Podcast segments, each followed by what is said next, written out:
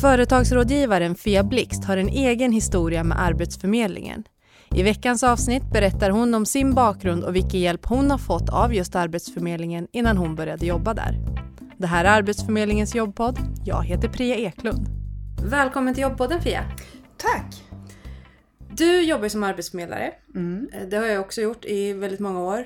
Och både du och jag har ju träffat människor där man säger eh, Vet du vad? Du vet inte vad jag har gått igenom. Du, du vet inte hur det känns att vara arbetslös och du vet inte min historia och såna här saker. Mm, precis. Men eh, du har ju en historia. Och det är ja. den jag tänkte vi skulle prata om. Precis, så är det. Jag är ju som alla andra, även alla andra arbetsförmedlare här, människor. Och eh, jag själv kommer från en eh, missbruksfamilj. Och när jag var tre, fyra där så fick jag flytta till fosterfamilj och bodde där i några år. När jag var nio flyttade jag hem igen. Och sen när jag var 15 så rymde jag hemifrån för då hade min mamma börjat missbruka periodvis igen. Och så bodde jag i familjehem i några år tills min gymnasietid var över. Mm. Så att jag har inte haft de bästa förutsättningarna i livet. Ungefär som ja, det finns säkert fler än jag. Eller Precis. det finns fler än jag. Hur gick det i skolan? Vi tänker, idag så pratar man mycket om studier mm. och det är så viktigt. Mm. Men hur, hur, gick det för dig? Ja, det här var ju på 90-talet, 80-90-tal. Så att eh, jag, alltså min, min gymnasietid var ju inte den bästa. Jag typ såg mig igenom gymnasiet och hade inte de bästa betygen. Inte några betyg som var värda att visa överhuvudtaget när jag sökte arbete. Men eh, jag tog mig igenom gymnasiet i alla fall och det är jag ju tacksam över. Mm. Men det fanns ändå de här, du, jag tänker att du tänkte ändå på det här med jobb. Mm. Um, Absolut. Hur, hur gick tankarna där? Ja, det man var tvungen till även då, på 80-90-tal, det var ju att man skulle skriva in sig på Arbetsförmedlingen. Och det gjorde jag. Eh, men jag hade ju ingen aning om vad jag skulle göra eller vad jag ville göra eller vad, vilka arbeten. Visst, jag hade jobbat lite sommar, haft lite sommarjobb här och där. Eh, men jag hade ingen aning om vad jag ville göra i livet. Så att jag skrev in mig och träffade en handläggare på Arbetsförmedlingen som var skitjobbig. Mm. Och så kan det upplevas. ja, ja, precis. Eh, nej men han var jobbig, han ställde ju massor med frågor som jag inte kunde svara på. Eh, som vad då till exempel? Nej, men vad, vad, vill du göra och vad har du för tankar och vilket, vilken bransch vill du jobba i, vilket yrke? Alltså jag hade ju inte en susning. Jag mm. var ju bara, vad var jag, 18, 19, 18 kanske, 19 när jag gick ut gymnasiet och hade inte, jag hade ingen, jag hade ingen aning om vad jag ville göra. Men eh, då så eh, presenterade han det här med, för vi har ju väldigt många insatser, insatser på Arbetsförmedlingen som vi kan gå in med. Och då så presenterade han praktik för mig. Och du jublade tänker jag? Eh, inte direkt, kan jag väl inte påstå.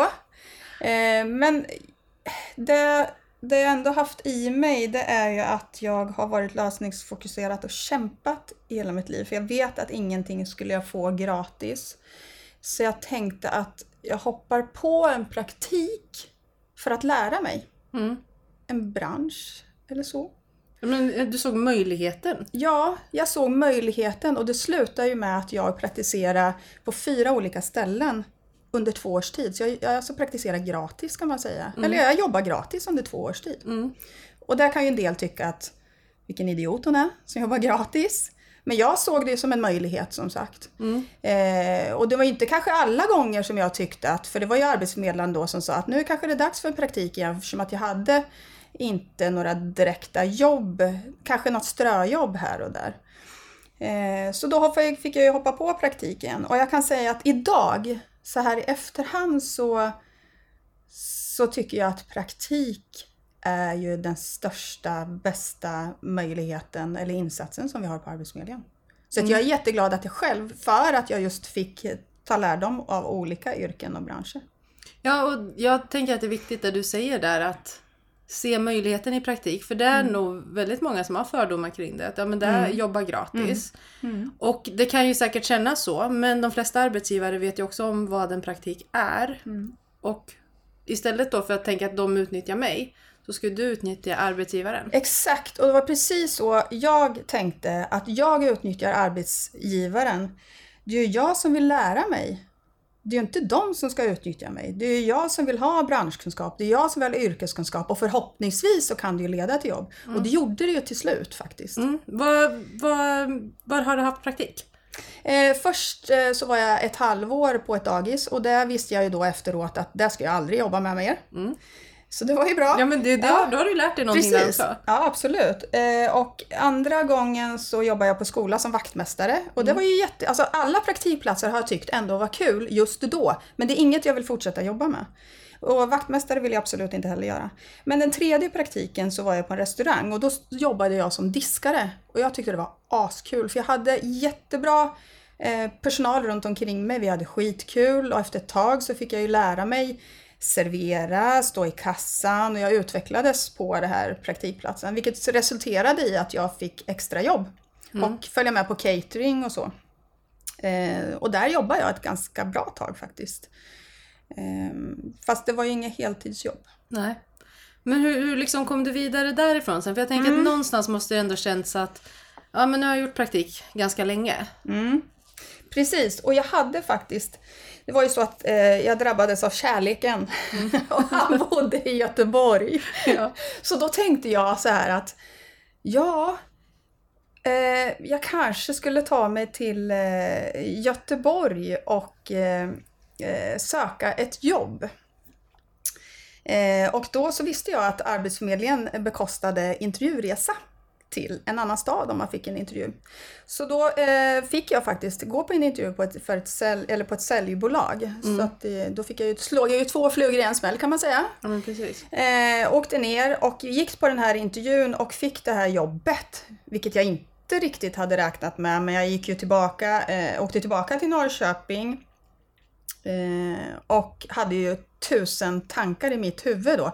Hur ska jag klara av? Ska jag flytta till en annan stad? Vad kostar det här? Jag har ju en lägenhet och alla de här frågorna. Och där tog ju då jag tillbaka till Arbetsförmedlingen och jag pratade med arbetsförmedlaren då i och med att jag måste, jag var ju tvungen att eh, visa att jag hade varit på den här intervjun för mm. annars hade jag ju fått bekosta resan själv. Eh, och då så berättar den här handläggaren på Arbetsförmedlingen då att men du, det finns eh, eh flytt, eh, vad heter det, flyttbidrag. Mm. Och det kan vi poängtera, det finns inte idag. Nej, det finns inte idag. Men jag fick också bohagstransport, så båda dem. Och ingen av de insatserna fick, fick jag idag. Eller Nej. finns idag menar jag. Eh, och, men jag gjorde det i alla fall, jag hoppade och flyttade. Men det här, efter ett halvår på det här jobbet så började jag må väldigt dåligt över att det var väldigt mycket ensamarbete och jag trivdes. Jag hade ju i, i de här restaurangjobbet och det, eller praktiken som jag jobbade i så hade jag upptäckt också i det här att jag verkligen trivs att jobba med folk. Service, jag älskar att hjälpa andra människor och se människor glada och så. Här jobbade jag helt själv. Så efter ett halvår så började jag må lite dåligt och då sa jag upp mig. Mm. Och då kom jag i kontakt med Arbetsförmedlingen i Göteborg och det var då jag hoppade på min sista praktik ett halvår på ett utbildningsföretag i Göteborg. Okej, okay. vad fick du göra där? Där satt jag i reception och det var då också jag hade faktiskt min professionella kontakt med Arbetsförmedlingen. För att vi tog emot eh, arbetssökande personer då som då på den tiden skulle gå och eh, få ett datakörkort eller mm. plugga till ett datakörkort. Så att eh, jag satt i reception och tog hand om, om de delarna. Eh, och efter ett halvår så fick jag min första fasta tjänst. På det företaget? På det företaget. Mm. Mm. Och sen så har det tagit dig till Arbetsförmedlingen och nu är du arbetsförmedlare. Trodde ja. du någonsin att du skulle liksom hamna där? Nej, verkligen inte. Och det kan jag säga, det trodde nog inte mina lärare heller. Nej. Men jag menar, alltså allt, allt det finns, jag tror i alla fall att det finns en mening med, med det mesta eh, och var sak har sin tid. Och jag tänker att är man bara driven, jag har alltid haft ett driv mm. eh, och vågat. För jag har tänkt så här att vad är, vad är det värsta som kan hända liksom? Ja, det kan ju vara att jag eh, inte fixar jobbet men då får jag gå vidare och då har jag förmodligen förhoppningsvis lärt mig någonting utav det och gå vidare och ta lärdom och göra det bättre nästa gång. Mm. Men känner du så här, du pratar mycket om drivkrafter och eh, just det här med att vara lösningsfokuserad. Är det någonting man bara är eller kan man öva upp det på något sätt? Jag tror absolut att man kan öva upp det. Ehm, jag tror att Jag kan berätta en sak att när jag var runt 17 så hade jag agorafobi och det är ju torgskräck när man inte kan vara bland folk. Mm. Eh, jag hade jätte, jättesvårt under en period också där. Eh, men det fick ju jag öva upp. För att mina kompisar drog i mig och bara jag var tvungen och jag bara hela tiden så utsatte jag mig själv för skitjobbiga saker att träffa människor. När jag började jobba på Arbetsförmedlingen så föreläste jag väldigt mycket för eh, arbetssökande. Och jag tyckte det var jättejobbigt, för i början så eh, fick jag väldigt mycket blackout, men jag hade alltid en kollega med mig som kunde fånga upp mig där. Men ju mer jag utsatte mig för det, desto bättre blev jag ju. Och desto mindre nervös vart jag och desto bättre flöt det på. Och jag tror att det mesta i livet funkar. I alla fall sådana delar tror jag att man kan öva upp. Jag mm. tror det. Eller, alltså det, vissa saker, jag kan ju pra bara prata utifrån, utifrån mig själv. Naturligtvis ser det ju annorlunda ut för alla människor, men jag tror att man kan öva upp. Mm. Bara man vågar. En sista grej innan vi avrundar här då. Jag tänker att din, din du har berättat jättekort om din bakgrund och mm. det är ju såklart inte så enkelt som du har beskrivit det. Det är Nej. ju så otroligt mycket mer kring det. Absolut. Men andra människor som kanske själva upplever att ja, men, jag har en trasslig bakgrund oavsett mm. om det är jag själv som har haft det mm. eller om jag, som i ditt fall då, det är liksom, du är uppvuxen i i ett hem där det har varit väldigt, väldigt trassligt. Mm. Men ändå liksom har du lyckats mm komma dit du är idag. Mm. Eh, för att vara arbetsförmedlare är inte bara så bara. alltså, det är ett jätteviktigt jobb. Mm. Vad har du för tips till de här personerna som känner att ja, men det här tynger mig? Jag vet inte, mm. jag, jag, jag kan inte. Jag, ja, men förstår du vad jag menar? Mm. Jag tror att det viktigaste är att inte stänga in sig och bara liksom sluta sig själv och bara inte, att sluta tro på sig själv. Jag tror att man måste och, och, nu pratar vi om Arbetsförmedlingen. Jag menar, vi har ju massor med hjälp att få. Jag vet att nu har jag bara räknat upp några insatser som jag själv fick. Jag har själv fått sju olika insatser mm. av Arbetsförmedlingen. Och vi har ju så mycket mer ändå. Men bara man kommer hit, när det gäller den delen med äh, jobb, äh, så kan vi hjälpa till med så mycket mer.